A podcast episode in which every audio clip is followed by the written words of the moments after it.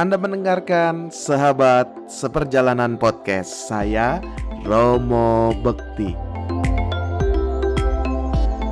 Kita mau menjadi sahabat bagi semua. Karena tidak ada yang pernah bisa berjalan sendirian. Selamat mendengarkan, semoga kita selalu sukacita karena dalam Tuhan selalu ada sukacita.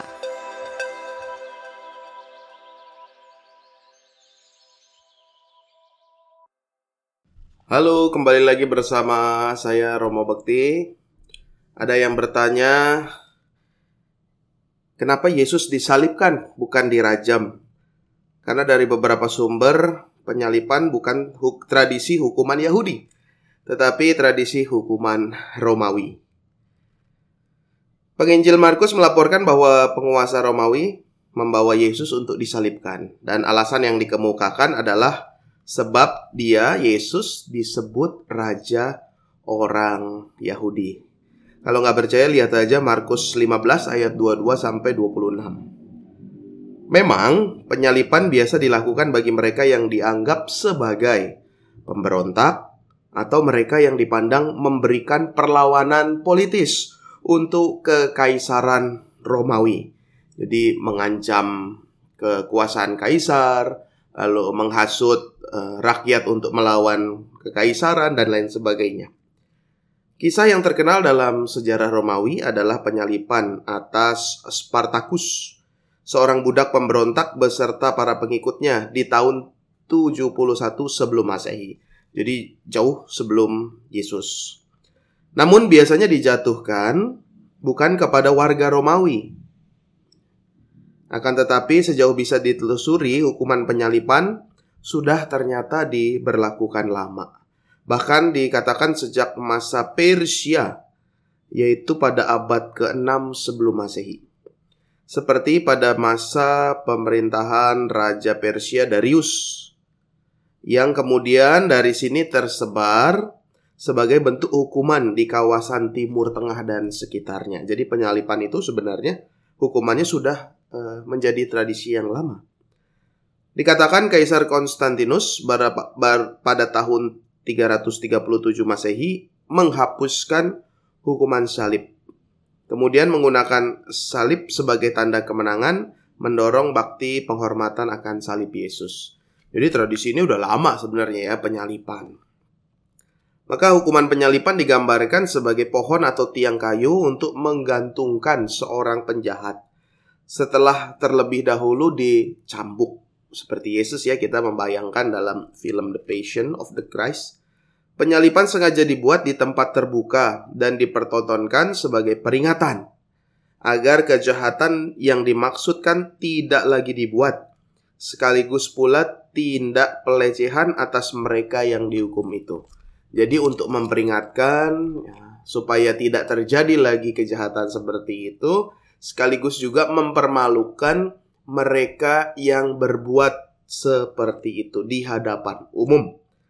Akan tetapi kalau kita melihat kitab Ulangan, penggambaran mengenai penyalipan sudah bisa kita temukan. Dalam Ulangan 21 ada ayat yang tertulis dihukum mati kemudian kau gantungkan dia pada sebuah tiang. Hampir mirip ya.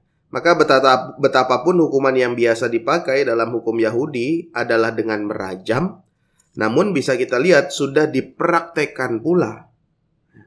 Bahkan dicatat dicatat seorang pemimpin Yudea, Janeus pada abad 1 sebelum Masehi menyalibkan 800 pemberontak. Jadi bukan hanya hukuman rajam saja, hukuman salib ternyata sudah menjadi salah satu pilihan penghakiman penghukuman.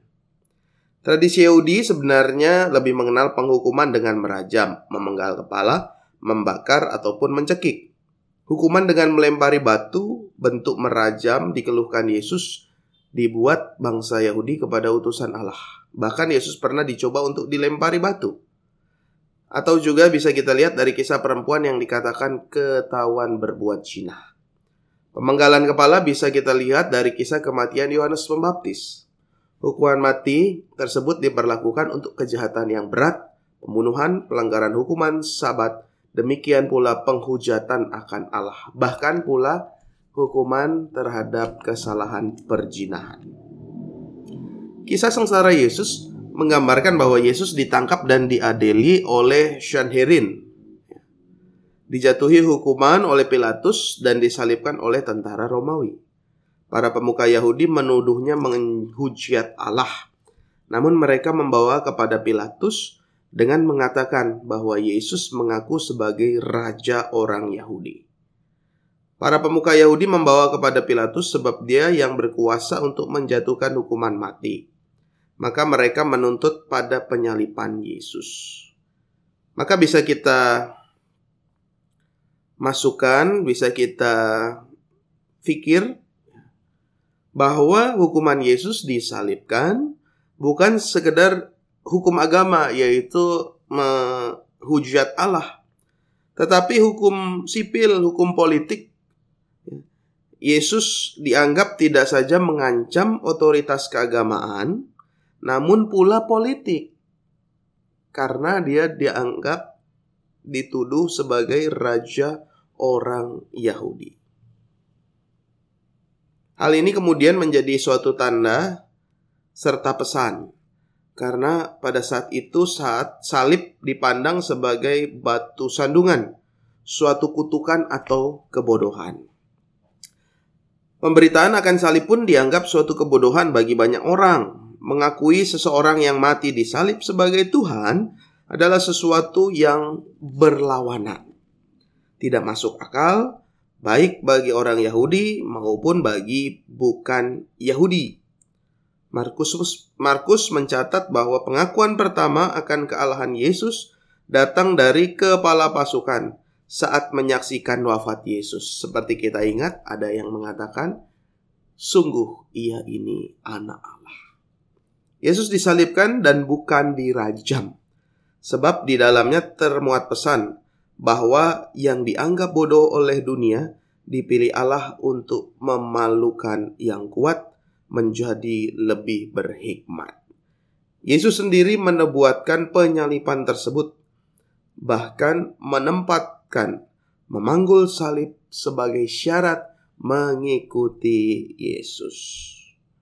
Maka salib adalah tanda, pesan, kesaksian, dan identitas kita sebagai murid-murid Tuhan. Oleh karena itu, salib tanda kemenangan. Mari kita jangan segan, jangan malu, jangan takut untuk membuat tanda kemenangan kita, identitas dan kesaksian kita. Ayo kita buat tanda salib sama-sama dalam nama Bapa dan Putra dan Roh Kudus. Amin. Tuhan memberkati. Terima kasih sudah mendengarkan.